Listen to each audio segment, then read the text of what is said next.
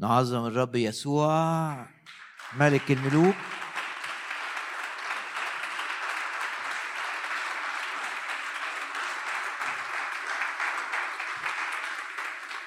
نعظم الرب يسوع الملك نعظم الرب يسوع ملك المجد.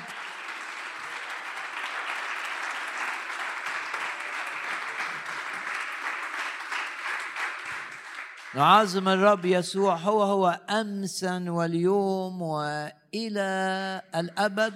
عظم الرب أنه اليوم معنا في هذا الاجتماع.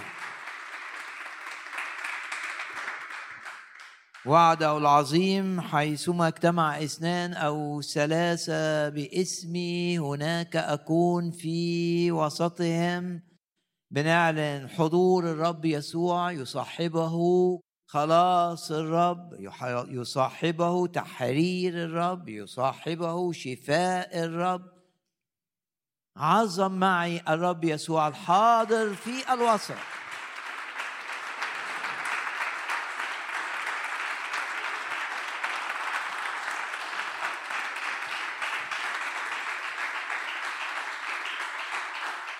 وسواء كنت داخل هذه القاعة أو في الخارج أو تتابع عبر الإنترنت شجعك إنك تعلن إيمانك. ممكن تعلن إيمانك وترفع إيدك كده تقول آه أنا مؤمن.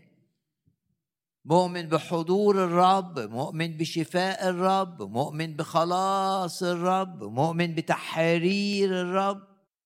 أنا أؤمن بالرب يسوع الملك ملك المجد ملك الملوك ورب الأرباب. أنا أؤمن بالرب.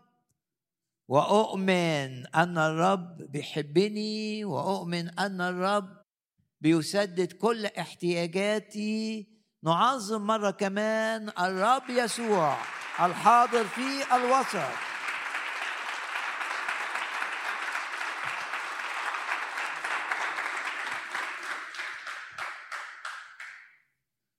والآية الشهيرة تقول طوبى للشعب العارفين الهتاف. اللي لما كانوا بيسمعوا صوت الهتاف بيعلن بدء سنة اليوبيل كانوا عارفين الصوت ده بيعني تحرير الرب للناس المقيدة بيعني انهم هيستردوا كل اللي سلب منهم بيعلن إن كل الديون اللي عليهم ترفع. لما كانوا بيسمعوا صوت الهتاف وكانوا بيهتفوا بقى ويستخدموا مع الهتاف الأبواق كانوا بيستخدموا الشفار البوق المصنوع من قرون الكباش ويبقوا فرحانين بحضور الرب فرحانين بإن مع الرب في سنة عظيمة سنة اليوبيل اللي الرب اتكلم عنها في بداية خدمته في إنجيل لوقا لما الرب دخل في بداية الخدمة إلى المجمع مكان عبادة اليهود في مدينة الناصرة.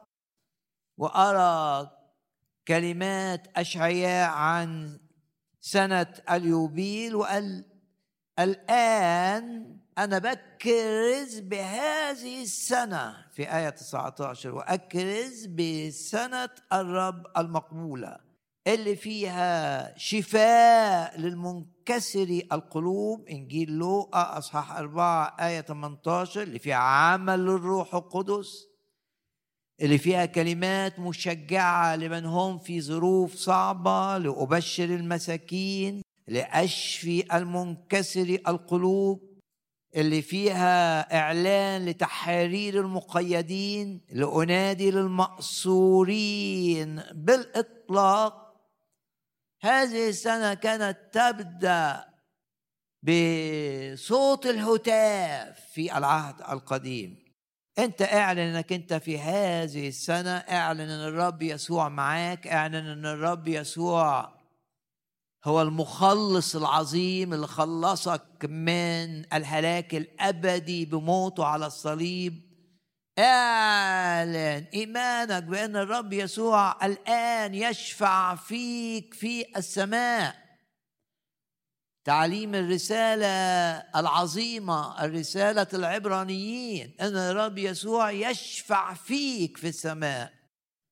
لكي يكون انتصارك على إبليس انتصار مضمون لكي تتخلص من كل نتائج أخطائك عيوبك لكي تغلب الخطية. رب يشفع فيك في السماء عشان تتمتع دائما بعمل النعمة تتمتع دائما بالمحبة الإلهية. ارفع إيدك كده معايا واعلن إنك أنت من هؤلاء الذين يؤمنون بالرب يسوع.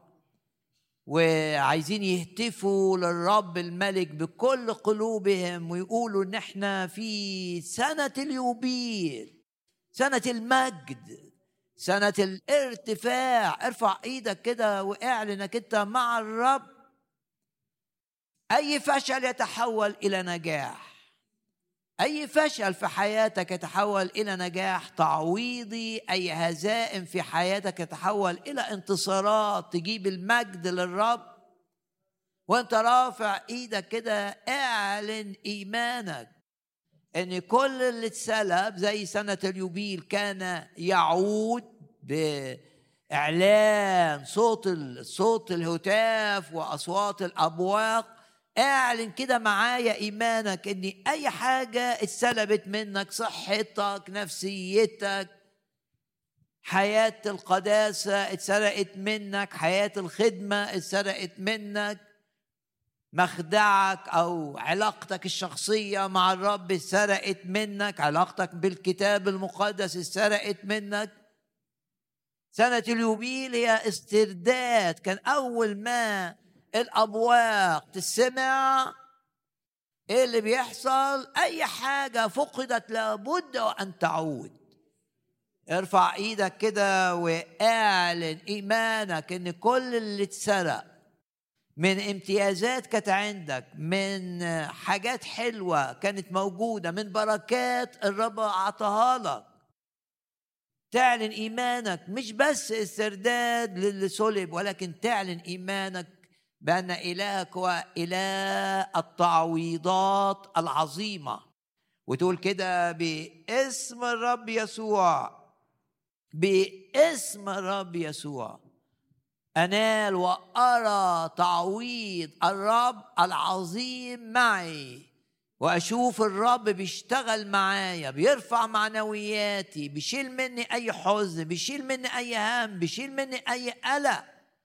أشوف الرب في حياتي بيخلصني من الضيقة بينقذني من المرض. بشوف الرب في حياتي بيعمل بالروح القدس في داخلي فتتجدد أفكاري. بشوف الرب في حياتي بيجعلني بركة بركة لعيلتي بركة لمن يقترب إلي بركة للمكان اللي بعبد فيه الرب. ارفع إيدك كده معي واعلن انك انت باسم الرب يسوع. زي ما قال الرب في انجيل لوقا صح اربعة انه اتى عشان يقول انت سنة اليوبيدي كانوا يحتفلون بها كل كام؟ كل مدة طويلة كل خمسين عام. انت تقول لا. رقم خمسين ده بس بيفكرني بإن ليا الروح القدس وإن الروح القدس يشتغل فيا ويشتغل في ذهني ويشتغل في عواطفي ويشتغل في جسدي. رقم خمسين يتكلم عن الروح القدس إن ليا آه، امتياز أن أمتلئ بالروح. ومعنى إن أنا أمتلئ بالروح أمتلئ بقوة. ضد الخطية وضد الشر وضد الحزن وضد الهم وضد القلق. باسم الرب يسوع أتمتع بعمل يوم الخمسين في حياتي. فسنة اليوبيل بتفكرني بأني ليا امتيازات كثيرة بسبب إيماني مش بالرب يسوع فقط ولكن إيماني أيضا بالروح القدس. الرب يسوع والروح القدس. عندي إيمان وعشان كده بؤمن إن أنا في وقت التعويض. ارفع إيدك كده واعلن إنك أنت في وقت التعويض. باسم الرب يسوع وكل اللي راح يسترد مع تعويض لك مع تعويض لك باسم الرب يسوع. ويعوض لك الرب عن أي سنين أكلها أي سنين أكلها الجراد. طوبى للشعب يا لسعادة الشعب الذي يعرف صوت الهتاف. اهتف كده معايا وقول قول للرب هتاف كده حقيقي. هللويا. انت في سنة اليوبيل انت في سنة التعويض انت في سنة التحرير انت في سنة الشفاء انت في سنة استخدام الرب العظيم لك. عشان كده اهتف بكل كيانك ودي المجد للرب وقول هللويا. هللويا هللويا ونعظم كلنا الرب يسوع ونعظم كلنا.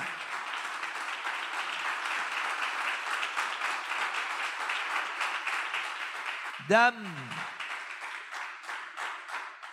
عظم معي مرة كمان بس عظم الوقت وانت مركز على دم الرب يسوع نعظم معا الدم الكريم نعظم معا دم الرب يسوع السمين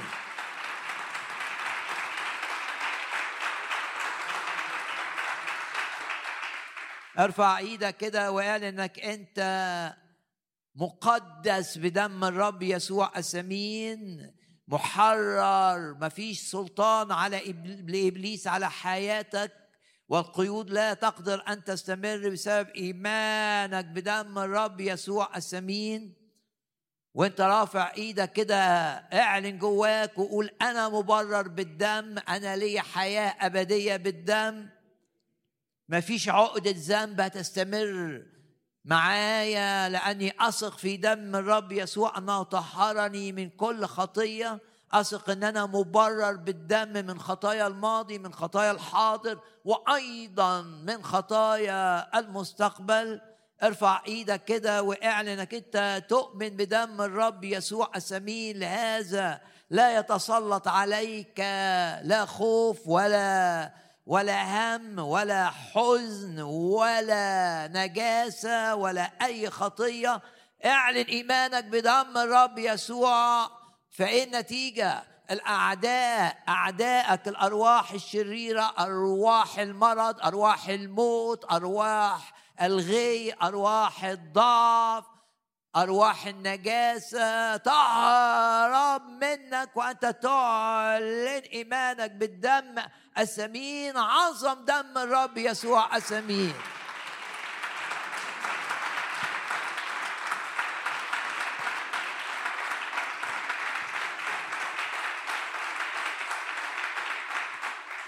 وأرواح الخداع تهرب بعيدا باسم الرب يسوع. أرواح الشكاية تعطل عن العمل باسم الرب يسوع. أرواح الغي الغي ده معناه إيه؟ معناه إن في أمورك في ناس تشوف الغلط صح وتشوف الصح غلط. ده غي فالنتيجة ضرر ليك. ارفع إيدك كده واعلن إنك أنت تؤمن بدم الرب يسوع الثمين وتعطل تعطل بإيمانك بالدم عمل أرواح الغي في أي أمر يخصك باسم الرب يسوع. بتعلن إن أرواح الضعف بتهرب بعيدا بتعلن إن أرواح الأمراض بتهرب بعيدا بتعلن ثقتك في دم الرب يسوع. وتقول كده بحسب كلمات سفر العدد مفيش عرافة تنجح معي يعني فيش ناس بأي طريقة من العرافة يقدروا يعرفوا أسراري يقدروا يعرفوا أمور لا أريدهم أن يعرفوها. قول كده بسبب إيماني بالدم أرواح العرافة معطلة تماما عن العمل في دوائر حياتي. اعلن إيمانك كده لا عيافة والعيافة يعني السحر ما فيش سحر يأثر عليا. مهما كانت قوة الساحر مهما كانت قوة الأعمال باسم الرب يسوع لا عيافه لا عرافه تنجح معي. بسبب إيماني بدم الرب يسوع السمين وبشجعك إنك تعلن إيمانك إنك لا بسبب إيمانك بالدم إبليس لا يستطيع أن يكرر أي أذى أذى به عائلتك أي أذى نجح إبليس في أن يأذي به عائلتك؟ لن يقدر أن يؤذيك لن يقدر أن يأتي بلعنات كانت في عائلة آبائك وأجدادك لن يقدر أن يأتي بها إليك. لو أنت ليك علاقة حقيقية مع الرب لو ليك شركة مستمرة مع الرب وتؤمن بقوة الدم الثمين في حمايتك من الشر وعظم معايا دم الرب يسوع السمير. هللويا.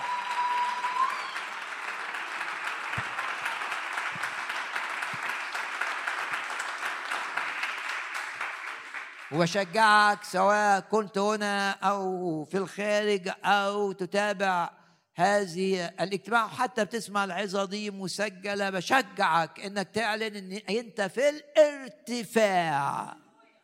وإن كل آلة اتعملت لإيذائك أيا كانت أيا كانت قوتها تفشل تماما تماما تماما بسبب إيمانك بالرب بسبب إيمانك بحماية الرب بسبب إيمانك بأنك أنت محمي خلف باب مغلق تجاه الأعداء ما باب رش عليه الدم السمين وارفع إيدك كده وإعلن أنك أنت خلف الباب الذي رش عليه الدم. أرواح الضعف لا تقدر علي. أرواح السلب لا تقدر علي. أرواح الغي لا تقدر علي. أرواح الشكاية لا تقدر علي. العيافة العرافة لا تقدر علي. يعظم انتصاري على الشر يعظم انتصاري على المرض يعظم انتصاري على الحزن يعظم انتصاري على اليأس. حياتي هي حياة التمتع لأن الرب أعطانا كل شيء. بغنى. الآية بتقول كده أعطانا كل شيء بغنى للتمتع وارفع إيدك كده وأكد لنفسك إنك أنت هتعيش هذه الأيام مع الرب. حياة التمتع حياة التمتع.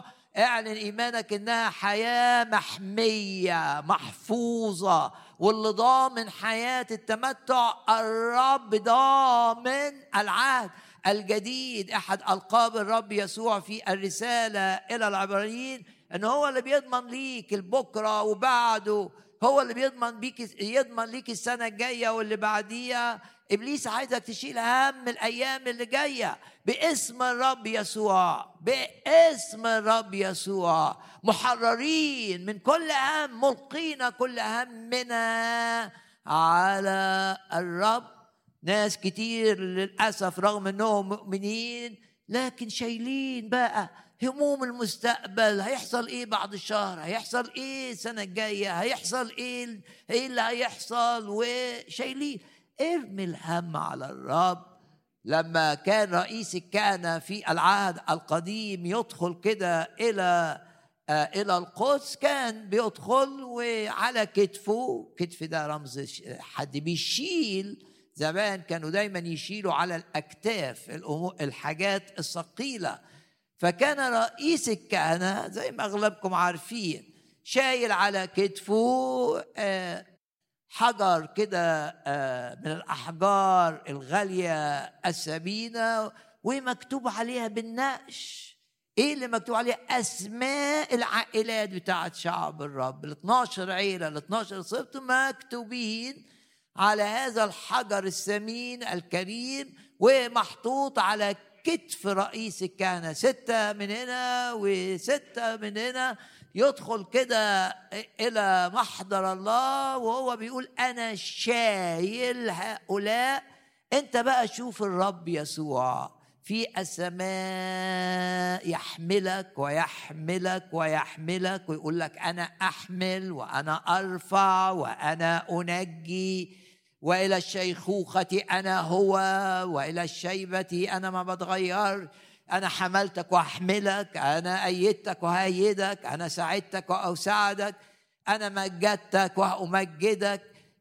تمتلي بهذا الإحساس أن الرب يحملك. عشان كده تشيل هم ليه؟ ملقين كل همكم على رئيس الكهنة الحقيقي الذي يشفع لك في السماء على كتفي الرب يسوع. هو شايلك ما تخافش هو شايلك وارفع إيدك معايا واعلن انك انت محفوظ في الرب وحياة التمتع محفوظة والرب ضامن ليك بكرة وقول كده جواك نعم الرب ضامن بكرة والرب دايما بيصلح أخطائي ودايما الرب بيعالج عيوبي ودايما الرب بشوفه بيطلع من الجافي. الحاجة الوحشة قوي بيطلع منها حاجة حلوة قوي يخرج من الجافي حلاوة.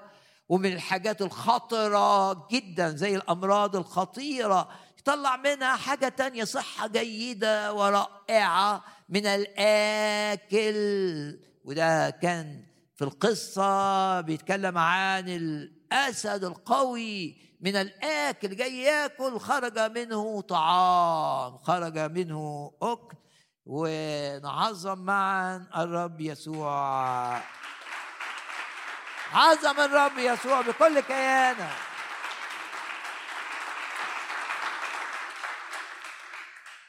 طوبى للشعب العارفين الهتاف قلبي ولحمي يهتفان يهتفان يهتفان للإله الحي. اهتف مرة كمان للرب يسوع الملك ملك المجد وقول معايا كده بهتاف هللويا! هللويا! هللويا! شجع كل واحد بيسمعني ليه علاقة مع الرب يسوع إنه يدوس على الحياة والعقارب لأن الرب أعطاك سلطان.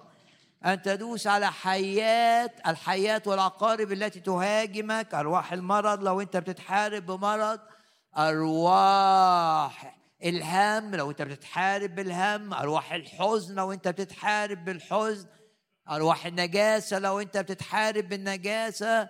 أرواح الخصام. إبليس عايز يصنع خصام وعايز يصنع حواجز بين المؤمنين وعايز يعمل حواجز في الأسرة الواحدة. دوس برجليك وأبطل أبطل أبطل نشاط الأرواح الشريرة اللي بتشتغل ضدك في بيتك في صحتك في عملك في خدمتك. دوس مرة كمان على الحياة والعقارب بإيمان. وابطل نشاطها باسم الرب يسوع أرواح الغي يبطل نشاطها ويعظم انتصارنا يعظم انتصارنا على الحياة حياة إبليس على العقارب يعظم انتصارنا بالذي أحبنا. ادوا المجد للرب الآن.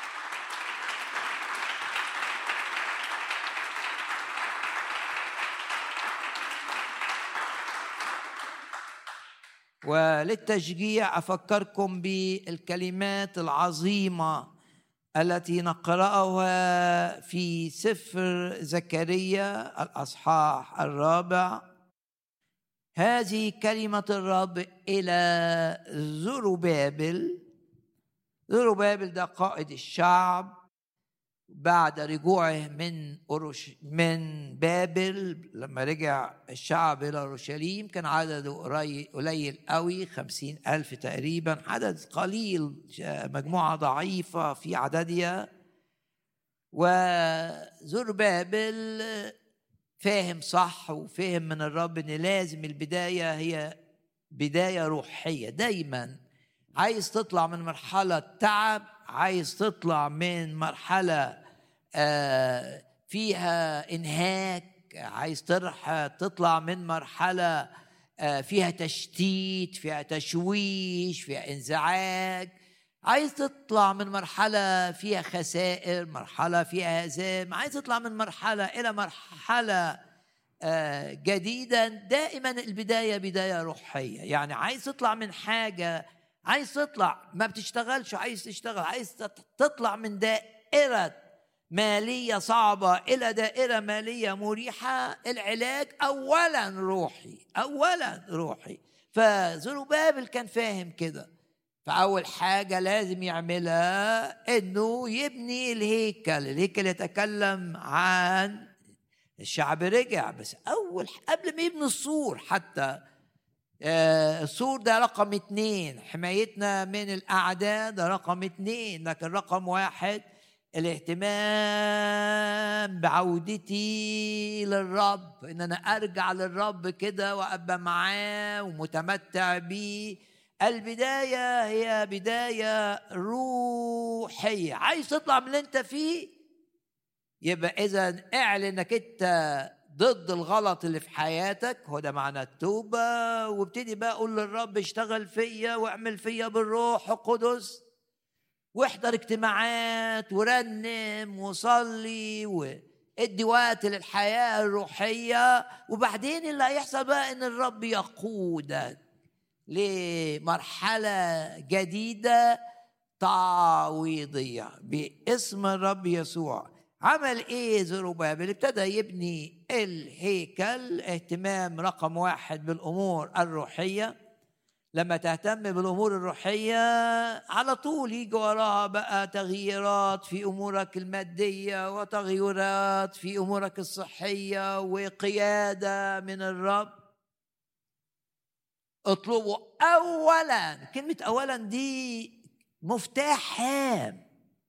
أنت بتصلي من أجل كذا بس لازم يبقى قلبك اولا في الأمور الروحية. جوه قلبك كده في رغبة. ومش بتطفي الروح جواك إنك بتدوس على الرغبة دي لا. ده أنت بتيجي اجتماع زي ده تقول آه أنا هصلي إن الرب يستخدمني هصلي إن الرب يديني فرصة بل فرص أخدمه فيها. آه بصلي إن الرب يرجع لي الاشتياقات الروحية اللي كانت عندي. بصلي إن الرب لازم تبدأ روحيا. الشيطان عايزك تركز على الحالة اللي أنت فيها. شيطان عايزك تركز على المشكلة اللي انت عندك. شيطان عايزك تركز على الجبل اللي قدامك. انت بقى فاهم من الكتاب. اطلبوا اولا اولا اولا. يعني ده الانشغال الأول انشغالي الأول اهتمامي الأول بأمور الرب. اطلبوا اولا ملكوت الله. وبره إنك أنت عايز تعيش في مخافته. وبعدين إيه الباقي؟ هذه كلها تزاد لكم. لكن لما تتعب بقى وتعمل مجهود ومش عارف إيه وتعمل إيه ممكن كل اللي بتعمله ده في النهاية يجي إبليس بعد ما تبني يروح حدد لك اللي أنت بنيته. ليه؟ لأنك أنت مش فاهم أو فاهم وناسي أو فاهم ومتغافل. إن القوة إن أمور الرب تبقى هي اللي ملياك وأمور الرب تبقى هي اللي شغلاك والباقي هتاخده بالنعمة مش بقى بالعافية وبالمجهود. لا هذه كلها تزاد لكم. عشان كده زروا بابل أول حاجة عملها قبل ما يبنوا البيوت و لا لا لازم أهتم الأول بالأمور الروحية. ولما ابتدى بقى يهتم بالأمور الروحية الأعداء عايزين يمنعوا هذا الاهتمام. أنت أول ما تقول مثلا عايز أحضر اجتماعات صلاه تلاقي حاجات كتير عايزه تعطلك لما تقول عايز أخدم الرب هتلاقي حاجات كتير تنسيك اللي أنت فكرت فيه. الشيطان مش عايزك تنهض روحيا لأن عارف إن النهضة الروحية دي سلسلة دي بداية السلسلة. الحلقات الباقية في السلسلة بقى آه, آه تأييد في الصحة وتأييد في العمل وتأييد في العلاقات وتسديد للاحتياجات. لكن أول حلقة أول حلقة هي الأمور الروحية. تهاجم بقى زروبابل بهذه الأمور اللي عاملها الأعداء علشان يتوقف عن بناء الهيكل. الكلمات المشجعة إن الرب بعت له رسالة عن طريق النبي زكريا ودايما آه، وإنت بتسمع آه، عظة أو إنت جاي الاجتماع هنا تقول كده جواك وإنت جاي الرب هيبعت لي رسالة. أنا مش رايح أسمع عظة أنا مش رايح أستمع إلى موضوع أنا مش رايح أسمع إنسان. وتقول لنفسك أنا رايح أستقبل رسالة ليا من الرب. عايز كلمة من الرب أستند عليها. عايز كلمة. عايز الرب يكلمني. ده امتياز. امتياز لينا أن الرب يتحدث إلينا. والرب قال كده من امتيازات الخراف إنها تسمع صوتي. عندك امتياز إن الرب يكلمك. ولما تيجي الاجتماع وانت بهذا آه، الاستعداد والروحي انك عايز تسمع رسالة من الرب هيكلمك الرب في الاجتماع بكل تأكيد. هيكلمك في ترنيمة يكلمك في العظة يكلمك في الجزء النهائي وإحنا بنصلي. لن تعود من الاجتماع ده من غير كلمة وخطأه من الرب. بس آمن معي بأن الرب إنك أنت من خراف الرب وإن الرب هو الراعي اللي عايز يوجهك عايز يقودك. فيش راعي مش عايز يقود الخرفان. فتقول آه أنا خروف والخروف يتسم. تسمعوني كتير أقول كده. لما تبقى مش عارف تسمع صوت الرب قول إيه يعني؟ ما الخروف غبي ما يعرفش يسمع أي حاجة لكن الراعي ماهر. الخروف غبي جدا لكن الراعي بتاعه ذكي جدا. موضوع لا يعتمد عليا ولا يعتمد على قدرتي إن أنا أعرف أسمع صوت الرب. الموضوع يعتمد على أمانة الراعي بتاعي. حرص الراعي بتاعي إن أنا أمشي في السكة اللي ما تعورش فيها. حرص الراعي بتاعي إني ما انزلقش وقع في حفرة. الراعي بتاعي مكتوب عنه أو هو قال عن نفسه أنا الراعي الصالح. الراعي الصالح يعني الراعي اللي مش ممكن يتركك. قال لا أهملك ولا أتركك. قال كده لا أهملك ولا أتركك الراعي الذي يرعاك هو راعي بارع في قيادته وراعي أمين هو راعي لا يخذلك هو راعي آه، آه، بكل تأكيد يريد أن يحملك على على كتفي. الكتاب بيقول كده بيقول لما لقي الخروف اللي ضل وضاع شاله على كتفه وقعد شايله على كتفه طول السكة. أمانة وحب. شايله على كتفه طول السكة إلى أن وصل به إلى مكان الأمان. فأنت تبقى شايف الرب شايف الرب لن يتخلى عنك شايف الرب شايلك شايف الرب بيحميك من أعدائك شايف الرب بيسير أمامك شايف الرب بيسمعك صوته. أنت مش عارف تسمع مش مهم. هو يستطيع أن يجعلك تسير في مشيئته. بس صدقوا. صدق إنه بيحبك بلا حدود. هذه كلمة الرب إلى زروبابل قال له إيه بقى؟ الكلمة اللي جت للرب دي كانت بعد رؤية رؤية شافها النبي زكريا. وهي من الرؤى الجميلة الرائعة الحلوة آه، ببساطة الشعب ممثل بمنارة والمنارة فيها ضوء والنور يغلب الظلام. ارفع إيدك كده وقول الرب جعلني نور اغلب الظلام. أما أنتم فنور في الرب أنتم نور العالم. الرب جعلني نور يغلب الظلام يغلب الشر. شر لا ينتصر علينا ايها الأحباء. الشر ده ظلام. والنور النور يغلب الظلام حتى لو هو نور خافت يغلب الظلام بكل تأكيد. النور أقوى من أي ظلمة. أنت قول أنا أما أنتم فنور في الرب. تقول أنا نور. ويعظم انتصاري على الظلمة. أوعى آه، تستقبل جواك أفكار انهزامية. واوعى تستقبل جواك أفكار إنك أنت آه، حتما حتما هتقع. استقبل من الروح القدس كلمات نبوية. إنك أنت نور يغلب الظلام. والمنارة اللي هي بتتكلم عن الشعب اللي بيغلب ده بتنور بإيه؟ فبتنور بزيت. والزيت هنا بيقول عنه الكتاب في آية 12 زيت الزيت الذهبي يعني الزيت اللي بينور المنارة دي رؤية. آه زيت لونه لون الذهب. زيت يت تقدر توصفه بإنه زيت من ذهب. زيت ومن ذهب. وده الروح القدس. الروح القدس أحد رموزه. والجزء ده يؤكد ليك إن أحد رموز الروح القدس هو الزيت لأن في الرؤية دي المنارة بتنور بزيت جاي من اليمين وزيت جاي من الشمال والزيت لونه لون الذهب و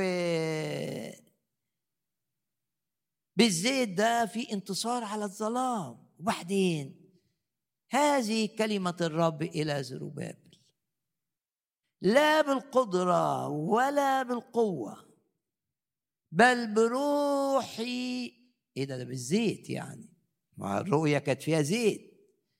بزيت الذهب اللي هو الروح القدس تغلب الظلام. لا بالقدرة.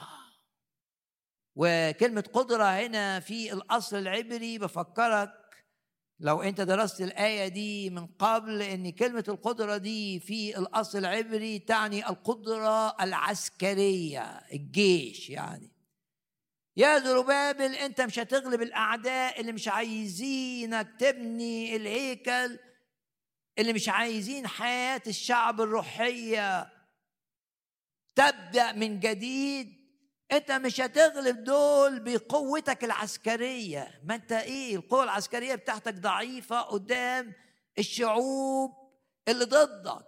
لا بالقدرة ولا بالقوة. ولا بقوتك بقى آه، قوة تفكيرك قوة ذكائك آه، شخصيتك القوية تحكمك في الشعب. لا بالقدرة مش بالعدد ومش بصفاتك انت لا بالقدرة ولا بالقوة. أمال بإيه؟ بروحي قال الرب الجنود. والروح القدس هو الزيت اللي انت تحتاجه. أنت تحتاج أن تمتلئ بزيت الروح القدس علشان ما فيش جبل يقدر يقف قدامك علشان يعظم انتصارك لا بالقدرة ولا بالقوة. في تحديات في عملك في تحديات ناس ضدك بيشتغلوا لإيذائك في تحديات صعبة في أمراض بتهاجمك. كيف تقاوم الخوف؟ كيف تقاوم الهم؟ كيف تقاوم الحزن؟ في ذكريات إبليس بيفكرك فيها علشان تشفق على نفسك و وتصعب عليك نفسك وتفقد حياة التمتع. تغلب ده إزاي؟ الإجابة في الأصحاح الرابع. امتلئ بالروح القدس. اطلب الروح القدس. قول أنا عايز أبقى مليان بالروح. قول أنا عايز الزيت اللي من ذهب ده يملاني. لأن الوعد إن هنتصر في شغلي وانتصر في صحتي وانتصر على الأعداء وانتصر على مخططات إبليس مش بدراعي مش بالحاجات اللي أنا بعملها لأنه لا بالقدرة ولا بالقوة بل بروحي قال رب الجنود وكل الأصحاح الرابع بيتكلم عن الزيت اللي من الذهب اللي هو زيت الروح القدس. وفي آية 14 في إشارة الرب بيقول له يا زربابل كمان أنت ابن الزيت. هؤلاء فقال هاتان هما ابن الزيت. وأنت بص للرب كده وقول له أنا ابن الروح القدس أنا ابن زيت الروح القدس أنا ليا الروح القدس. أنا ليا نمتلئ بالروح فثمر الروح يبان في حياتي يبان في حياة المحبة المحبة الحقيقية اللي بتغسل رجلين الآخر المحبة الحقيقية اللي بتحتمل كل شيء. أنا في حياتي هيبقى في محبة حقيقية نقية من قلب نقي. لأن الزيت هيثمر فيا ثمر الروح هيبقى فيا سلام. مهما كان ما يحدث مليان سلام. وبتحرك وأنا مليان طمأنينة ومليان سلام. ومفيش أفكار خوف في ذهني ولا منزعج من اللي بيعمله إبليس ولا هممني ليه؟ في ثمر للروح القدس. روح القدس عطاني سلام. عطاني محبة عطاني فرح عطاني طمأنينة عطاني عطاني ثمر الروح بقى التحكم التعفف التحكم في نفسي باسم الرب يسوع. نتمتع بهذه الكلمات وقول عن نفسك كده مش صدفة أنا بسمع عن إن المؤمن آه، يشوف نفسه واحد من أبناء الزيت ويشوف نفسه بيغلب الظلام بزيت الروح القدس والآية العظيمة لي لا بالقدرة ولا بالقوة لا بقوتك الجسدية ولا بقوتك الذهنية ولا بقوتك النفسية ولا بحكمتك. هتغلب أعدائك أنت ضعيف جدا بالحاجات دي قدامهم لا بالقدرة ولا بالجيش اللي معاك. كان معاه جيش لا بالقدرة ولا بالقوة بل بروحي قال رب الجنود. ورب الجنود يعني الرب اللي بيحارب عنك. الحرب للرب مش ليك. انت ليه مضطرب؟ انت ليه شايل هم؟ انت ليه بتقعد تحسب كتير؟ الحرب للرب. خلاص. قف وانظر. خلاص الرب اللي بيعمله معاك. وسبح الرب ومجد الرب. ما تحسبش حسابات تخليك خايف ومضطرب ومنزعج.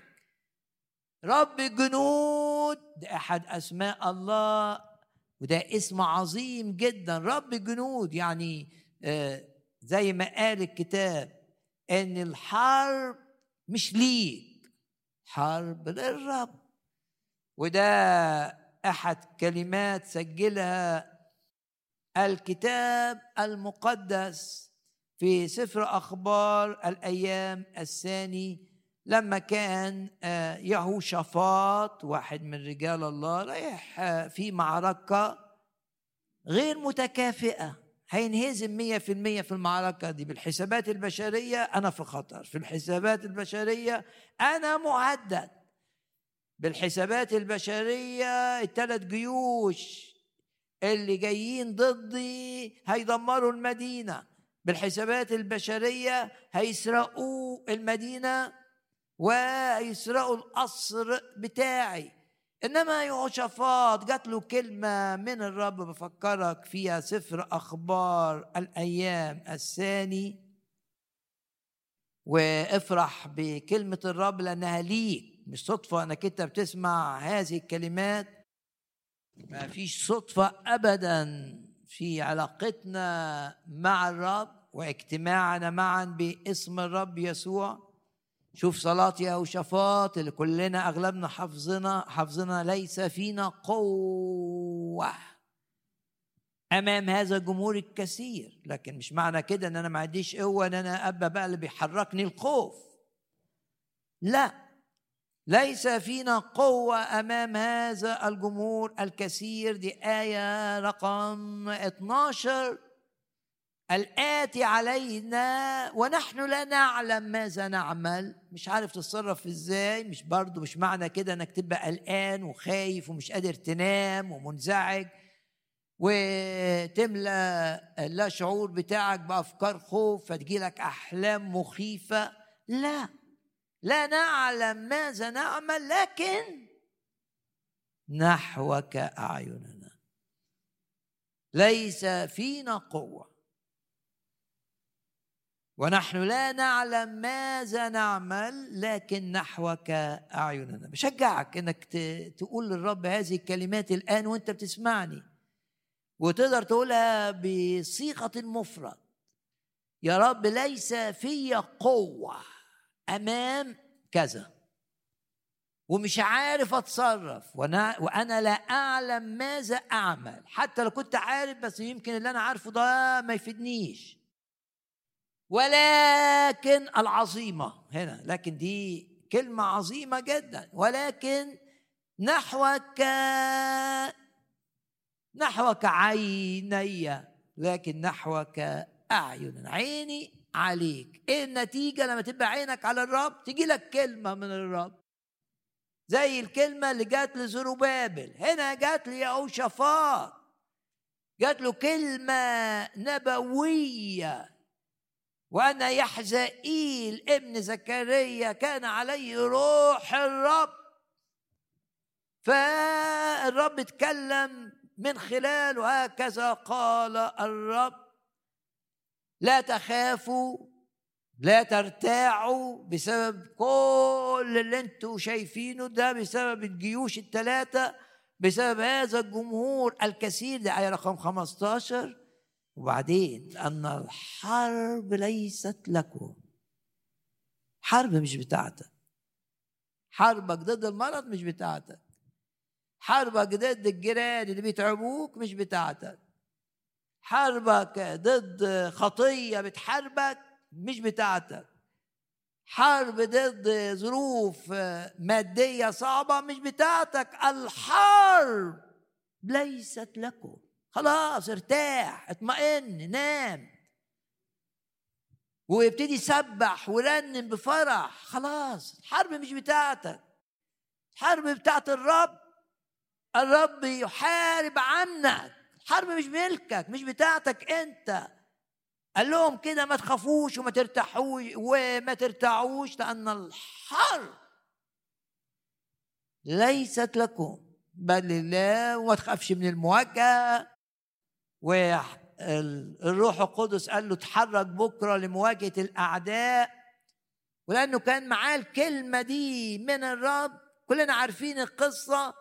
بدأ المعركة بالتسبيح يقول لك ولما استشار الشعب لأن الشعب هيقولوا عليه ده مجنون رايح يحارب وحاطط في بداية الجيش ناس تسبح وترنم فاستشار الشعب بس الشعب تأثر بالكلمة اللي جات له. باسم الرب يسوع ارفع إيدك كده واعلن انك انت بتتأثر بالكلام اللي بيبعته لك الرب. ونعلن ايماننا ان كلنا بنتأثر تأثير إيجابي بالكلام اللي بيبعته لنا الرب في هذا الاجتماع. تتأثر تأثير إيجابي. تلاقي نفسك اختلفت في تفكيرك. لما الملك استشار الشعب وقال أنا هبدأ المعركة واحط في المقدمة ناس تسبح وترنم وتهتف كل الشعب وافقوا. يقول لك ولما استشار الشعب. ليه؟ لأن الشعب تأثر بالكلمة اللي جات له. ما قالوش النبي ده بيقول كلام من عنده لا كان بيتكلم لما تكون كلمة من الرب هيبقى ليها سلطان عليك. هيبقى في سلطان للكلمة. ارفع إيدك واعلن في سلطان لكلمة الرب. سلطان. كلمة الرب تقدر تطلع منك الخوف ولا يعود باسم الرب يسوع. هادموك ومخربوك منك يخرجون. أكتر حاجة بتهدم حياة الإنسان القلق. أكتر حاجة بتهدم حياة الإنسان استسلامه للخوف استسلامه للهم. حرصه إنه يحامي عن نفسه. مش أنت اللي تحامي عن نفسك الرب. حرب للرب مش ليك لأن الحرب ليست لكم بل لله. باسم الرب يسوع. كل خوف جوانا كل اضطراب جوانا كل انزعاج جوانا كل هم جوانا كل حزن جوانا كل سلبية جوانا كل أفكار من إبليس جوانا باسم الرب يسوع. تخرج منا ولا تعود. كل مرض مختبئ في أي شخص يسمعني اعلن إيمانك. إنه يخرج منك ولا يعود. كل خلايا مؤذية كل خلايا مضرة كل ميكروبات فيروسات مختبئة منتظرة وقت معين تهجم فيه عليك. حط الآية دي قدامك. هادموكي كان بيكلم أورشليم اللي بيهدموا ومستخبيين جواكي. ومخربوك اللي باينين واللي مش باينين الكلمة شاملة. منك منك يخرجون باسم الرب يسوع. آه، لو في أمراض كامنة جواك ما تخافش. اعلن إيمانك إنها تخرج ولا تأتي تخرج ولا تعود باسم الرب يسوع. الحرب مش ليك الحرب للرب. ادي المجد للرب الآن. هللويا.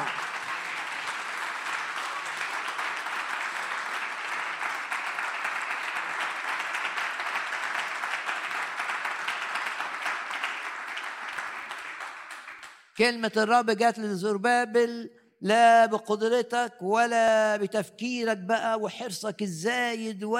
و... لا مش ده اللي يحميك لا بالقدرة ولا بالقوة بل بروحي قال رب الجنود والرب شايف أفكار زربابل إن المقاومة عاملة زي جبل ضخم قدامه. فرد عليه وقال هكذا قال رب الجنود من أنت أيها الجبل العظيم؟ جبل بس مش جبل عادي كمان. ده جبل عظيم. هكذا كان يرى زربابل التحديات اللي قدامه. كان شايفها جبل؟ لا كان شايفها جبل عظيم. فالرب بيقول كده من أنت أيها الجبل العظيم؟ أمام زربابل. ما قالش أمامي حتى الرب.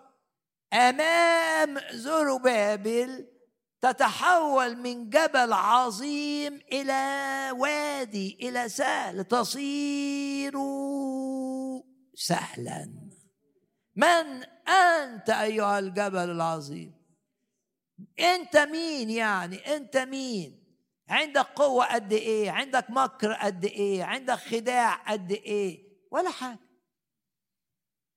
ده أمام زروبابل زروبابل هيعمل حاجة؟ لا. لأنه لا بالقوة ولا بالقدرة. ده الروح القدس هيشتغل. هو استقبل الزيت اللي من ذهب جواه فالروح القدس هيشتغل. وعمل الروح القدس يعمل أيضا في الأعداء. وإيه اللي يعمله؟ يحول الجبل العظيم إلى وادي بدل ما كان عائق ضخم. وضخم جدا. بقي طريق سهل. سلس واختم الجزء التشجيعي بالآيات المعروفة من سفر أشعياء وأشعياء أصحاح أربعين. كل وطاء يرتفع. الوطاء يعني الحتة بقى الواطية في حياة في نفسي يبقى فيها حتة واطية كده. يعني نفس مستسلمة للخوف يبقى ده وطاء حاجة منخفضة. نفس مستسلمة لصغر النفس يبقى وطاء. نفس مستسلمة للحزن يبقى عندها وطاء. نفس مستسلمة للقلق يبقى عندها وطاء. نفس مستسلمة للمرض يبقى عندها وطاء. كل وطاء يرتفع. وكل بقى جبل في سكتك وكل جبل وأكما ينخفض. شعب هنا آية شعب هو ماشي. هيقابل منخفضات ضخمة. ما يقدرش يمشي فيها هيقع. الرب يرفع المنخفضات. هيواجه جبال عالية وأكمات مختلفة ومتنوعة. وكل جبل واكمه ينخفض. هيلاقي طرق كده مش عارف نهايتها إزاي وتوصله إزاي معوجات. ويصير المعوج مستقيما. والعراقيب سهلا فيعلن مجد الرب أشعياء أربعين وآية أربعة وخمسة وارفع إيدك كده بشجعك وأشكر الرب كده وأقول له أشكرك لأني هيحدث في حياتي ما يأتي بالمجد ليك. هيحصل في حياتي إن الجبل اللي في مخي ده يتحول إلى سهل. هيحصل في حياتي إن المنخفض اللي في تفكيري ده خوف متسلط هم متسلط يأس متسلط في مجد هشوف المجد. لما الوطاء أنت تجعل الوطاء يرتفع. عندي ذكريات تعباني بتخوفني من بكرة. وطاء يرتفع. وحياتي هيبقى فيها جبال تنخفض ووطاءات ترتفع. لمجد. لمجد من أحبني. لمجد من أسلم نفسه للموت لاجلي ومجد الرب يسوع الآن. هللويا.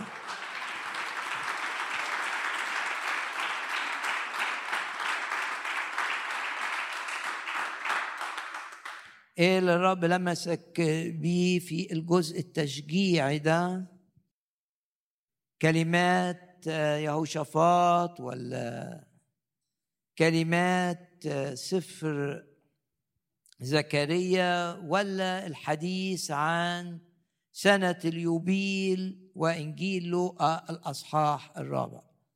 رب لمسك من إنجيل لوقا ولا الرب لمسك من المزامير طوبى للشعب العارفين الهتاف؟ رب لمسك بالحديث عن سنة اليوبيل ولا الكلمات اللي لمستك صلاة يهوشافاط وكلمات النبي إليه الحرب مش ليك لكن للرب ولا كلمات سفر زكريا. إن الروح القدس ينور من خلالك فتغلب كل ظلام ضدك. نرفع إيدينا كده نعلن إيماننا هزيمة الظلمة. لو في اتهامات ضدك شكايات ضدك كلام سيء عنك باسم الرب يسوع لا يقوم لا يكون لا يتواجد باسم الرب يسوع. لمست بكلمات سفر أشعياء إن كل اللي بيهدم في تفكيرك في صحتك في نفسيتك في صحتك في جسدك هادموك منك يخرجون. أشكر الرب الآن معي ويقول له أشكرك من أجل هذه الكلمات التي أرسلتها لي. لن أعود من هذا الاجتماع كما أتيت. ارفع إيدك أعلن إيمانك. ليه ترجع من هنا زي ما جيت؟ واللي بيسمعوا العظة عبر الإنترنت ليه؟ ليه تاني العظة زي ما بديتها أعلن إيمانك إن الروح القدس بيشتغل وإن الكلمة ليها سلطان عليك وإن الروح يشتغل جواك ويرفع معنوياتك. وتقول كده الرب جعلني ملكا وهبان إن أنا مؤيد من الرب في الدائرة دي والدائرة دي والدائرة دي وهيبان إن أنا مؤيد في الرب في كل أمور حياتي بلا استثناء وحياتي بكل تأكيد مش هتجيب مجد لابليس هتجيب خزي لابليس حياتي هتجيب المجد للرب.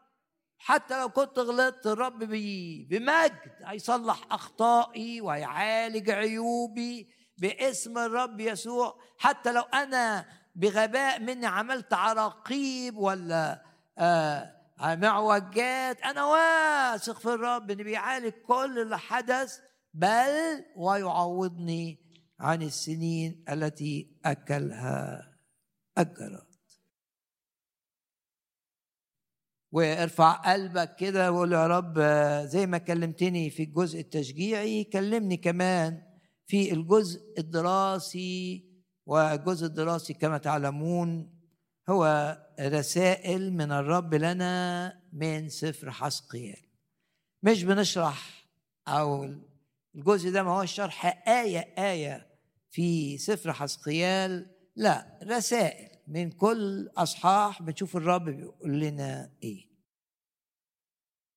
في الأصحاح الثالث كانت في رسالة مهمة أن للكلام وقت وللسكوت وقت.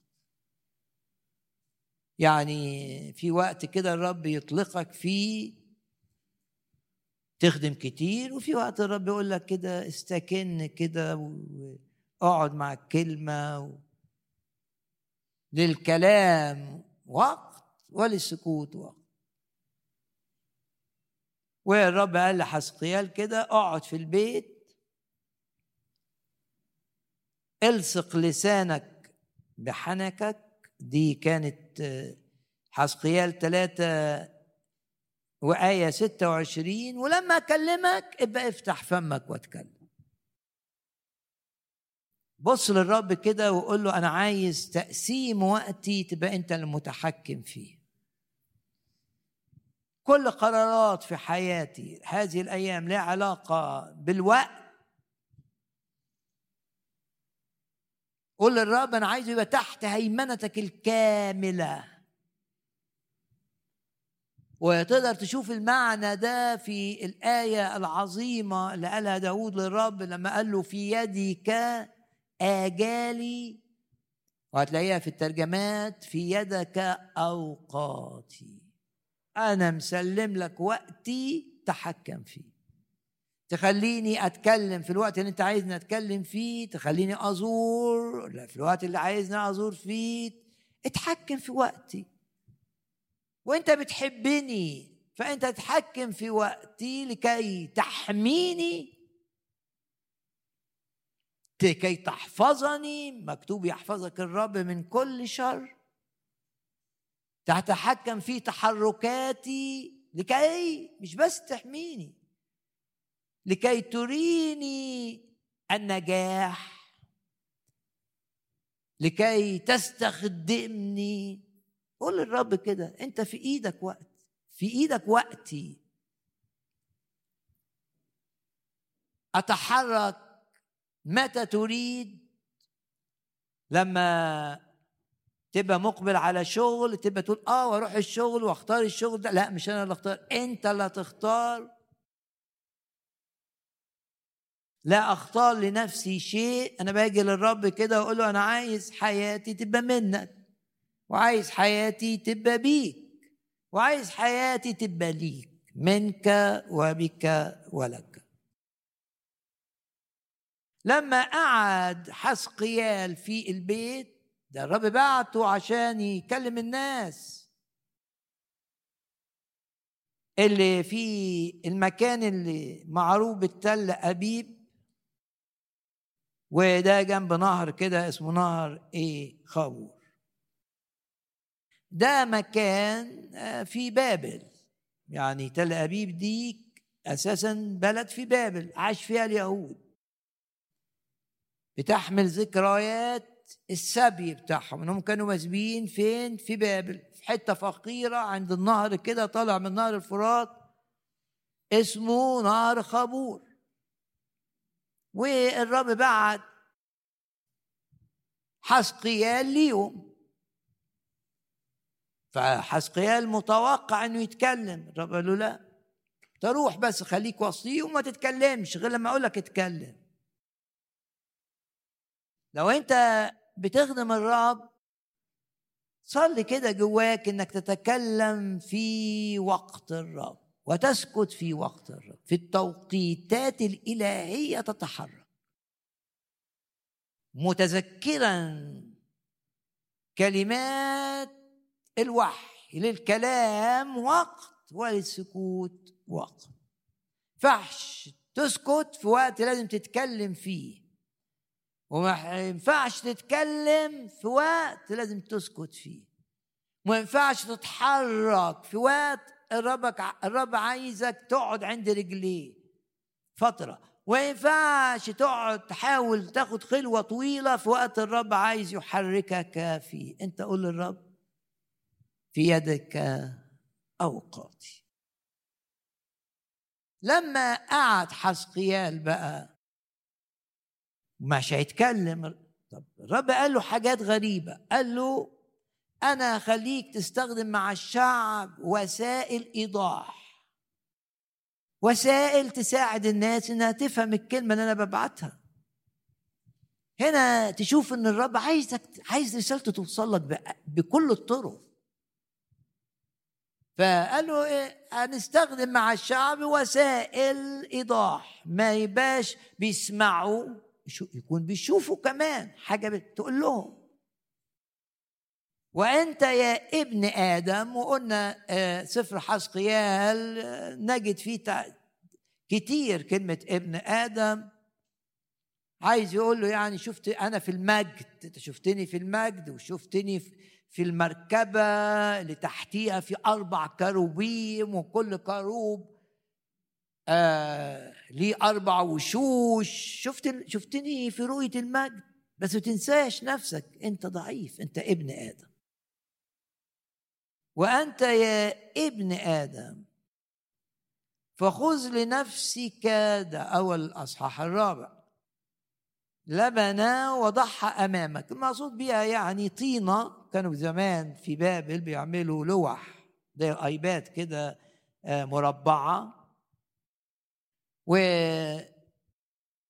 طين طري يكتبوا عليه بعدين يسيبوه يجف كانوا بيستخدموا ده كمان زي الرسائل يبعتوا رسائل على بعض بقطع طينية صغيرة ويكتبوا عليها وهي طرية كده تنشف خلاص أدي وسيلة الكتابة في بابل أيام حسقيا.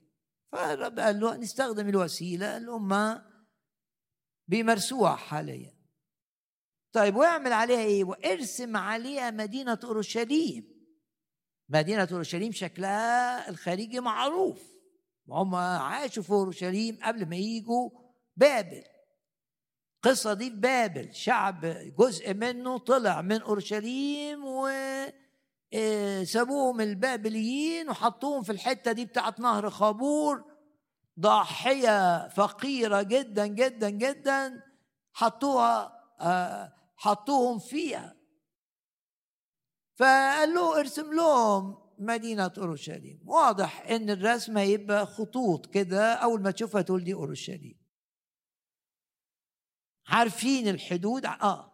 ارسم عليها مدينة أورشليم. واضح إن هو قاعد في بيت والبيت زمان بيوت كان بيبقى ليها فناء مساحة فاضية كده قدام البيت جوه البيت يعني حتة من البيت وبتشاف من الناس اللي ماشية من بره.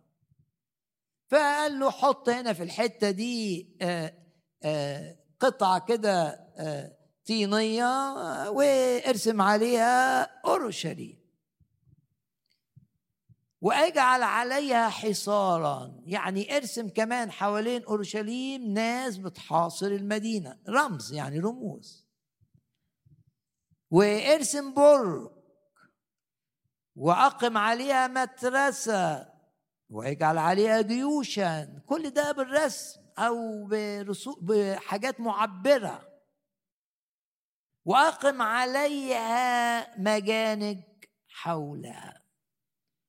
يبقى هنا عايز يقول حسقيال للناس.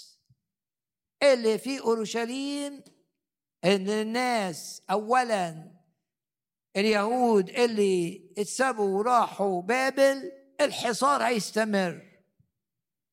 طب ودي إيه؟ يعني إيه فايدتها؟ ليه الرب عايز يفهم الناس إن الحصار هيستمر؟ لأن في ذلك الوقت انتشر بينهم وده بنعرفه من سفر أرمية. إحنا بندرس مع بعض. لما تقرأ أصحاح 25 لأصحاح 29 تعرف إن انتشر كلمات الرب ما قالهاش. إيه الكلمات دي؟ إن الشعب هيرجع لأورشليم. وإن الحصار مش هيستمر. وإن الهيكل زي ما هو وإن كلها شهور وهنبقى في أورشليم. والشعب كان شايف إن مش ممكن مش ممكن الرب يسمح لهيكل عظيم بناه سليمان بتعليمات الرب. وبمواد أعدها داود بتأييد الرب. مش ممكن الرب يسمح للهيكل ده أن ينهدم. ومش ممكن يسمح للناس. ما إحنا حوالينا شعوب وثنية. للناس بتوعتنا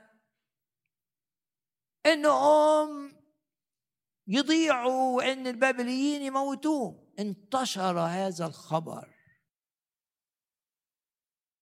وبعدين لما تقرأ التفاصيل في سفر أرمية أصحاح أصحاح عشرين وانتبه معي وواحد وعشرين واثنين وعشرين زي ما قلت لغاية ما توصل لأرمية خمسة وعشرين وتلاقي بقى أرمية بيقاوم هذه الأخبار. بس أرمية قاعد فين؟ أرمية قاعد في أورشليم.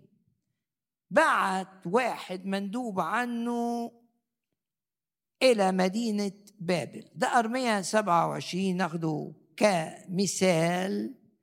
لا تسمعوا لكلام أنبياءكم. الذين 27 وآية 16 الذين يتنبؤون لكم قائلين. ها آنية بيت الرب سترد سريعا من بابل. لأنهم إنما يتنبؤون لكم بالكذب. دي أرمية كام؟ أرمية سبعة وعشرين أرمية تسعة وعشرين هام جدا. يعرفك التفكير اللي كان ماشي في الوقت ده. هكذا قال رب الجنود ودي الرسالة اللي بعتها أرمية من أورشليم للناس اللي في بابل اللي عايش وسطيهم حسقيال هكذا قال رب الجنود لكل السبي بيقول لهم إيه؟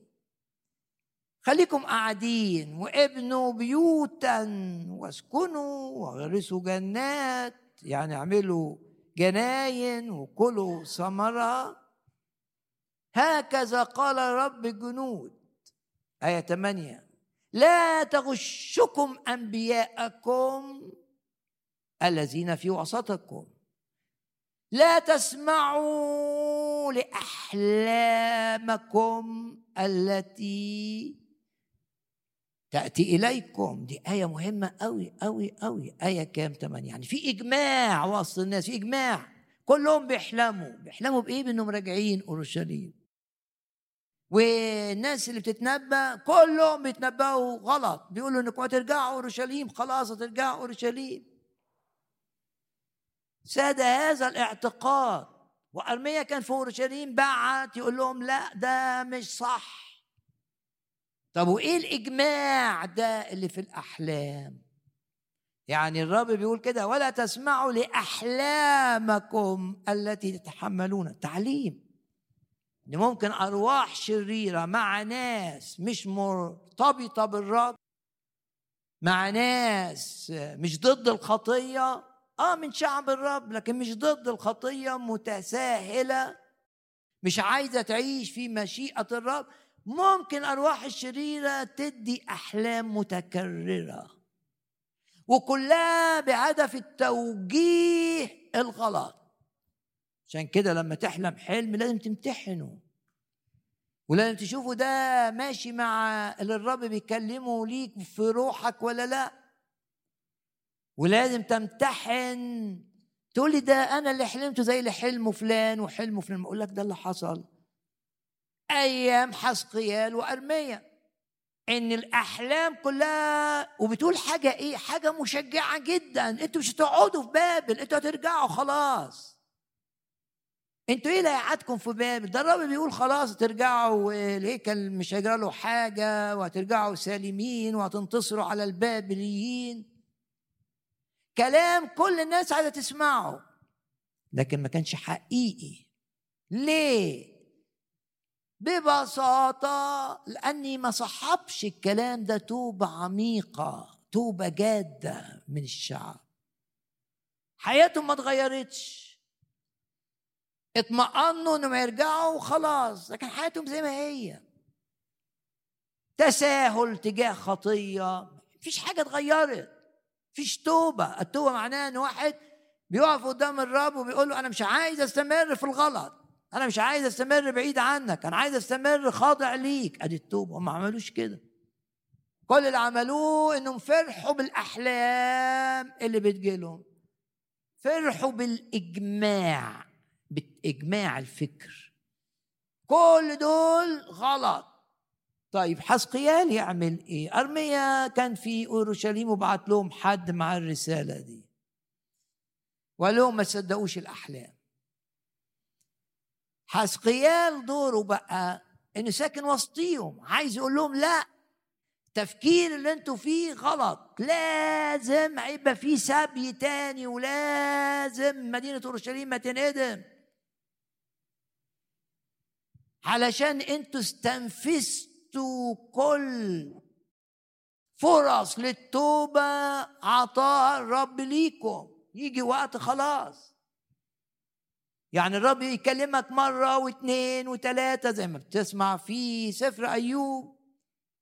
كلمك مرة واثنين وثلاثة وأربعة. يقول لك غلط العلاقة دي غلط الخطية دي قاوم اعترف. رجع الفلوس اللي انت واخدها غلط لأصحابها. اعترف انك انت في الخفاء بتعمل خطايا. الرب يقول لك بعدين انت تقاوم صوت الرب يكلمك تاني. تقاوم صوت الرب يكلمك تالت. تروح اجتماع تلاقي الوعظ بيتكلم عن الخطايا اللي بتعملها. وبرضه مش همك. وتقول الرب بقى معايا والرب هيحميني. لا. لو انت عنيد مع الرب مش مستسلم للرب الرب بدل ما كان بيأدبك بالكلمة يبتدي يأدبك بالعصاية وده اللي حصل في كنيسة كورنثوس. لما قال لهم فيكم ضعفاء ومرضى وكثيرون يرقدون ولو كنتم حكمتم على نفسكم ووقفتوا ضد نفسكم ما كانش يتحكم عليكم بهذه بهذا التأديب القاسي. شعب ما تبش واستنفذ كل الطرق. كل الفرص اللي عطاها له الرب استنفذها. فراح الرب قال لي ارميا ما تصليش للشعب ده خلاص. وهنا الرب بيقول إيه بقى؟ اعمل لهم بقى مدينة أورشليم كده وارسم لهم إن في حصار حواليها عشان يفوقوا من الخيال اللي هم فيه. وبعدين قال حاجة تاني الرب ليه أرمي آية رقم كام؟ ثلاثة وخذ أنت لنفسك صاجا من حديد. صاج كده من حديد وحطه بينك وبين المدينة اللي انت رسمتها ورسمت الأعداء بحصروها. عملت كده رموز ربما من الطين أيضا للم للأسلحة المجانق دي والمترسة المطرسة الحاجات اللي كانت تستخدم في هدم الأسوار قديما اعمل لها رموز كده. يعني الرب بيقول لكم هو ده اللي هيحصل. وبعدين اعمل صاج. سور صاج من حديد. دي آية ثلاثة وانصبوا سورا من حديد بينك وبين المدينة. وثبت وجهك عليا. يعني اقف كده الناس هيشوفوه. ما أنا قلت ده في الإناء في البرة في في الحتة الواسعة دي اللي قدام الحتة اللي بيبيت فيها. بس جوه البيت الشاف اللي بيعمله ده متشاف من الناس. ثبت وجهك عليها فتكون في حصار وتحاصرها تلك آية وسيلة إيضاح لبيت إسرائيل. طب إيه حكاية الصاج ده؟ إن الرب مش هيسمع ليكم خلاص. فترات السماح وفترات خلاص جه وقت بقى تتعلموا بالألم لأنكم رفضتوا أنكم تتعلموا بالكلمة. لما أي مؤمن يرفض أنه يتعلم بالكلمة الرب يديله مرة واثنين وثلاثة وأربعة ويصر على الغلط بتاعه الرب من حبه ما الرب بيحب شعبه هيعلمه مش بالكلمة بقى يعلمه بالعصاية فتكون في حصار وتحاصرها واللوحة اللي من صاج دي معناه ان بين الناس اللي في اورشليم وبين الرب اللي بيمثله حسقيال بقي في حاجز لسماع الصراخ. وأختم بآيتين. يا رب نشكرك لأن لما يبقى في خداع من إبليس أحلام عليها إجماع. اشكرك لأنك بتبعت حسقيال وتبعت ارميا لإظهار الحق. يا رب أشكرك لأنك لا تسمح لمؤمن أن يستمر منخدعا.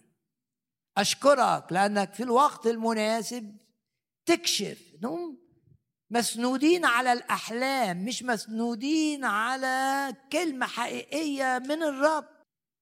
فتكون في حصار وتحاصرها هختم بآيتين. أول آية. هتقولي طب أنا استفدت إيه؟ إنك ما تقاومش روح الله. لما يقول لك ده غلط ما تقاومش. هيقول لك تاني وتالت ورابع وخامس. هتصر ما تقولش بقى مش هيحصل لي حاجة لا. لا تخدع نفسك. يا رب نشكرك ونباركك ونعظمك. أقصد مزمور ستة وستين. وآية 18 إن راعيت اسما في قلبي. بكلم كل واحد يسمعني أرفض أي خطية جواك. أرفض. ترعى الاسم يعني مش بتقاومه بل بتحط نفسك في ظروف أنت اللي بتحط نفسك فيها عشان الاسم ده يشتغل. إن رعيت اسما في قلبي لا يستمع لي الله. تقول لي جايب الآية دي ليه؟ أقول لك عشان أشرح لك يعني إيه الصفيحة دي اللي عاملها حسقيال بينه وبين أورشليم اللي رسمها على الأرض. حاجز بينها وبين حسقيال رمز إن في حاجز اتكون بين سكان أورشليم شعب الرب وبين الرب. حاجز. إيه الحاجز ده معناه إيه؟ إنه مش هيستجيب صلاتهم لما يطلبوا الإنقاذ. ليه؟ لانهم استنفذوا كل الفرص اللي قدمت له. أنت النهارده في الاجتماع ده بتسمع رسالة توب. يبقى معناه إنك أنت لسه ما استنفذتش الفرص لأن الرب بيقول لك توب. استكن. ليه تسيب الاجتماع وأنت مش رافض الخطية؟ ليه تسيب الاجتماع وأنت مش رافض علاقة غلط؟ ليه تسيب الاجتماع وانت في قلبك انك تستمر ظالم انسان؟ ليه تسيب الاجتماع وانت في قلبك انك ما تبقاش امين في شغلك؟ لا تستعن بلطف الرب. الرب بيقول لك توب. تقول لي توب يعني يعني قاوم تقول لي يعني اعمل إيه؟ يعني تقول الرب اديني قوة عشان اطلع من الغلط اللي أنا فيه. اديني قوة. طلع لي طل... لما تعمل كده بقى ما تجيش العصاية عليك. ليه؟ لأنك تجاوبت. معنى إنك أنت سمعت الرسالة دي إن لا يزال لا تزال أنت في توقيت تأديب الرب ليك بالكلمة مش بالعصاية. إنما لو طلعت من الاجتماع مش رافض الغلط اللي بتعمله. رافض إنك تصلي من أجل واحد أساء إليك. مصر إنك طب قاوم قاوم وصلي. قول يا رب اديني إن أنا أصلي من أجل الشخص اللي أساء إلي. هيديك. تجاوب إن سمعتم صوته فلا تقصوا قلوبكم. اعترف قدام الرب إنك غلطت. مش عنيد. قول للرب أنا غلطت. وصلح غلطي. اعترف أمام الرب بدل ما تبرر نفسك وتجيب لنفسك أعذار. اعترف أمام الرب بأخطائك. قوم ما تتنقلش لمرحلة التأديب بالعصاية. تبقى موجود في مرحلة التأديب بالكلمة. تجي لك كلمة توبخك تنبهك. هنا بقى بيقول لو انت بقى مش هتتوب خلاص الصفيحة اللي كانت بين أورشليم وبين الرب ممثلا في حسقيال هتستمر. إن رعيت اسما في قلبي لا يستمع لي الرب. ودي شروط الصلاة المستجابة إنك تبقى دايما رافض الغلط. ضعيف قدامه مش مشكلة لأن الضعف معناه إنك هتصلي عشان تبقى قوي. ده ما يعرضكش للتأديب بالعصاية. إنما تستعين كده كأن مفيش حاجة كأن الرب ما كلمكش كأن الرب ما بعتلكش كلمة. لا لا لا لا. مع الوقت يجي وقت كده خلاص. بدأ وقت التأديب بالعصا زي ما حصل مع المؤمنين في كنيسة كورنثوس. هني بقى بآية في العهد الجديد عن الصفيحة دي يعني رسم مدينة أورشليم ورسم الحصار والأعداء وبعدين عمل صفيحة كده وباصص ليهم للمدينة بس بينه وبينهم بينه وبين المدينة الصفيحة وقعد واقف كده والناس تمر على البيت من بره وتشوف إيه اللي بيعمله الراجل ده. رسالة لكم بالعين. هختم بهذه الآية رسالة يوحنا الرسول الأولى. أيها الأحباء قبليها ده صح ثلاثة وآية عشرين إلا متنا قلوبنا فالله أعظم من قلوبنا ويعلم كل شيء. يعني لما قلبك يوجعك علشان بتعمل غلط تجاوب مع الوجع ده مع اللوم ده. اعترف قدام الرب إنك بتخاف مثلا اعترف قدام الرب. إلا متنا قلوبنا.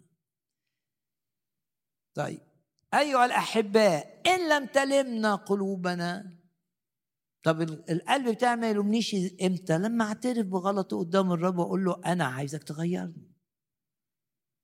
لما تقول له أنا مش مستسلم أنا عايزك أنت تعمل فيا أنا عايزك أنت تطلعني من اليأس أنا عايزك أنت تطلعني من النجاسة أنا عايزك أنت تطلعني من الكذب أنا عايزك أنت اللي تطلعني. لما تعمل كده قلبك مش هيلومك. إن لم تلمنا قلوبنا فلنا ثقه من نحو الله. ومهما سألنا ننال منه. لأننا بنحب وصاياه ونعمل الأعمال المرضية.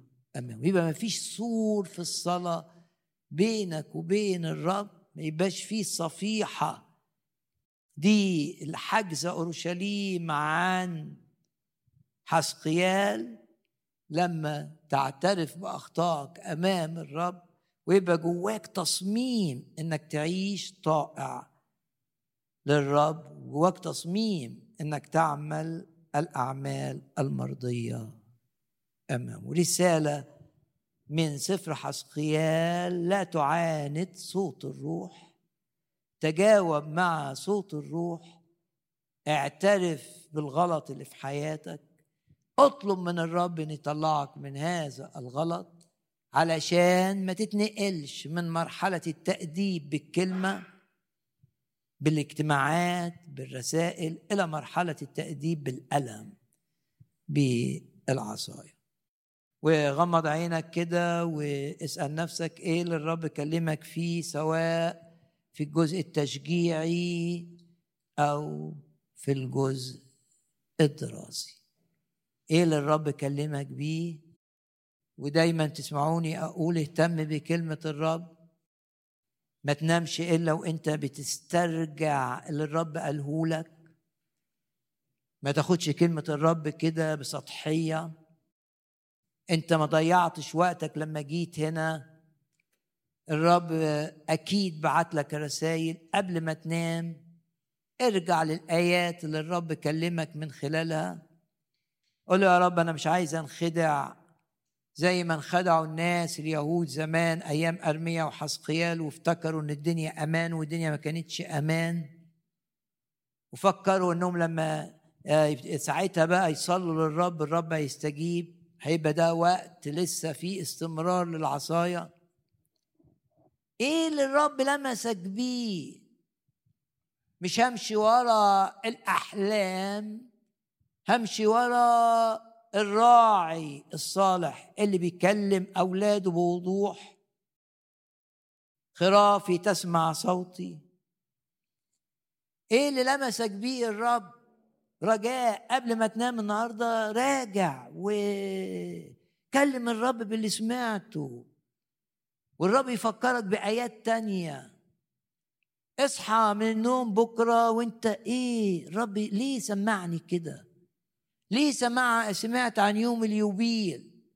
ليه العظة مليانة حاجات من إنجيل لوقا على سفر زكريا على سفر أشعية في الجزء التشجيعي؟ هل أنا متشجع بالكلام ده ولا لا؟ بعدين تسأل نفسك تقول هل أنا استقبلت الرسالة بتاعت حسقيال عمل وسيلة إيضاح في الفناء الخارجي كده راسم أورشليم على الطين وعامل آه، آه، تماثيل كده للجيوش اللي بتهاجم وبعدين صفيحة يعني دول معزولين. إيه يا رب اللي أنت عايز تقوله لي؟ أنا بصلي إن أنا ما أوصلش ابدا لهذه الحالة. هو ده الرسالة. لا تسمح لي يا رب أن أصل إلى الحالة اللي تعاملك معايا يبقى فيها بالألم لأن الهيكل اللي كانوا قايلين إن ده هيكل الرب وبيقدموا عليه ذبائح يوميا اتدمر واشتعلت فيه النار والناس اللي جواه اتقتلوا. وأورشليم اتهدمت يا رب أنا مش عايز ابدا أوصل لهذه المرحلة. وفي يدك آجل. نقف جميعا في محضر الرب الآن.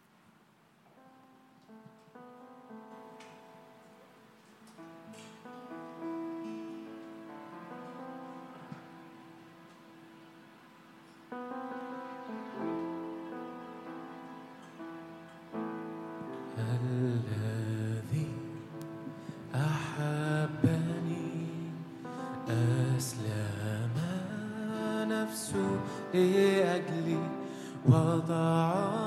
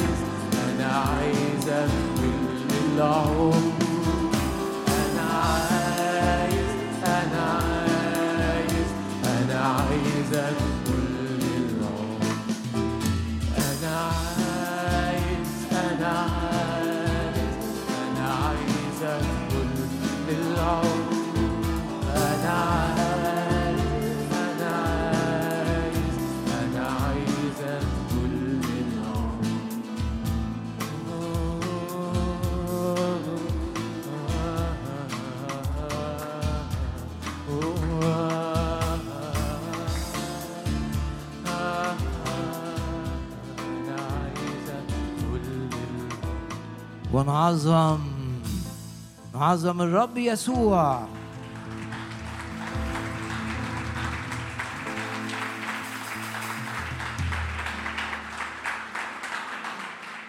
ونعلن ثقتنا في دم الرب يسوع الثمين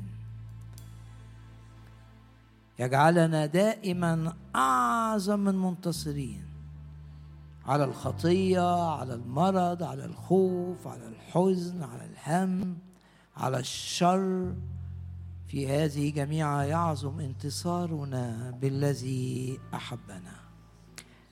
بنعلن إيماننا وثقتنا أن الرب يسير أمامنا والهضاب يمحي وكل جبل وأكما في طريقنا كل جبل وأكما ينخفض وكل وطاء يرتفع. والمعوجات تصير طريقا مستقيما. هادموك ومخربوك منك يخرجون باسم الرب يسوع. تخرج من أجسادنا أي عوامل أي أمور لا علاقة بالمرض ولا تعود باسم الرب يسوع. وتخرج من أذهاننا أي أفكار ليست من الرب. ولا يتسلط علينا شيء. لا يتسلط علي اسم. باسم الرب يسوع. ولا يبقى ظلف في حياتنا تحت هيمنة إبليس. الذي فينا أعظم من الذي في العالم. يا رب نشكرك ونباركك لأنك تستجيب صلواتنا لأنك لن تسمح لنا أن نرعى الإسم. إن رعيت اسما في داخلي لا يستمع لي الله. نشكرك لأنك إله الإنذار والتنبيه وتنبهنا في الوقت المناسب كي نكون لك بكل قلوبنا ونتبعك بكل القلب وملكوت الله يكون دائما اولا في حياتنا. نشكرك من أجل الملائكة الذين ترسلهم وتستخدمهم. لتسهيل أمورنا ولحفظنا في وقت الخطر. نشكرك لأنك تهيمن على كل الذين هم في منصب ولهم علاقة بنا. من أجل أن نكون في مشيئتك ومشيئتك أن نكون في الارتفاع. لا يعوزنا شيء ولا نخاف من شيء ولا نرتبك بأمور الحياة. تهيمن على كل الذين هم في منصب لكي نكون في مشيئتك. تنهي تأثير أي سحر. تنهي تأثير أي أرواح تابعة لأي شخص هنا. يضع ثقته فيك ويحتمي بالدم الثمين تفدي من الحفرة حياتنا. نشكرك. لأنه ينجيك من فخ الصياد. نشكرك. لأنه ينجيك من الوباء الخطر. نشكرك. الرب راعي فلا يعوزني شيء. نشكرك ونمجدك ونعظمك. الآن يرتفع رأسي على أعدائي حولي. نعود من هنا مرفوعين الرأس واثقين أن كل الحياة والعقارب ندوس عليها وأن الرب يتمجد في حياتنا بقوة. مفتدين الوقت باسم الرب يسوع. نباركك تكمل عدد أيامنا وتجدد كالنسر كالنسر شبابنا. وتفدي من الحفرة حياتنا. وخطط إبليس ضدنا تكون كالعدم وكلا شيء لا تقوم ولا تكون. وكلنا نرفع إيدينا ونعلن إن إحنا محفوظين في مشيئة الرب. لا نرعى إسم. محفوظين في مشيئة الرب في كل أمورنا بلا استثناء. يحفظ خروجنا ويحفظ دخولنا. يحفظك الرب من كل شر ويبارك خبزك وماءك. ونعلن أن أجسادنا للرب والرب لأجسادنا. هللويا هللويا. بتعالج عيوبنا بتصلح أخطائنا بتعوض عن الأيام التي أكلها الجراد بتدينا أوقات التمتع. نتمتع روحيا وفي كل الدوائر. هللويا هللويا. اهتف للرب الآن معايا وقول هللويا. هللويا. هللويا. اعلن انك انت منتصر. اعلن انك انت مؤيد من الرب. اعلن انك انت محفوظ في مشيئة الرب. اعلن انك انت من مجد إلى مجد من بركة إلى بركة من نجاح إلى نجاح. اعلن إن كل اللي بيعمله إبليس يكون كلا شيء أمامك. اعلن ده وإنت بتهتف طوبى للشعب العارفين الهتاف اهتف معايا وقول هللويا هللويا هللويا. الآن إلى الترنيمة الأخيرة في الاجتماع.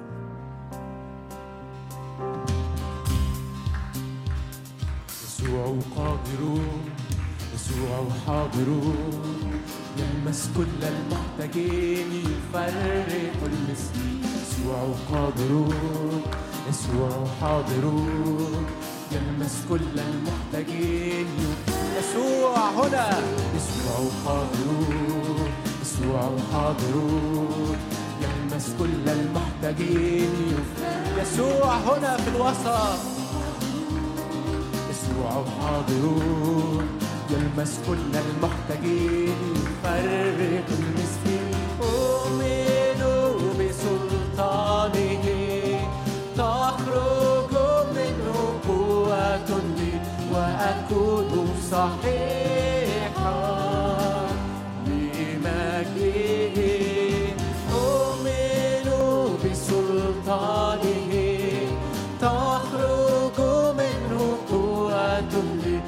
وأكون صحيحا لمجدي يسوع قادر يسوع حاضر يلمس كل المحتاجين يفرح المسكين. يسوع قادر يسوع حاضر يلمس كل المحتاجين يفرق المسكين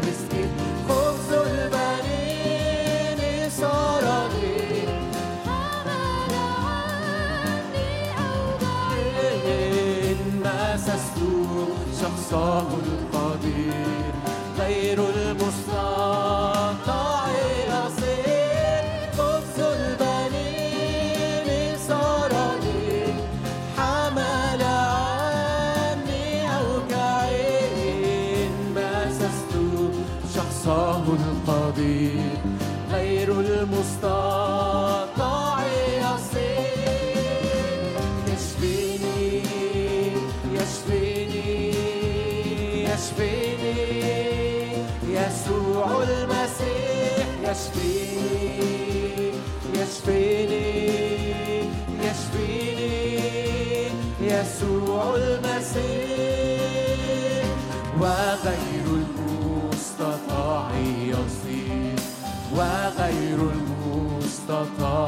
يصير يسوع قادر يسوع حاضر. يلمس كل المحتاجين يفرق المسكين يسوع قادر يسوع حاضر. يلمس كل المحتاجين.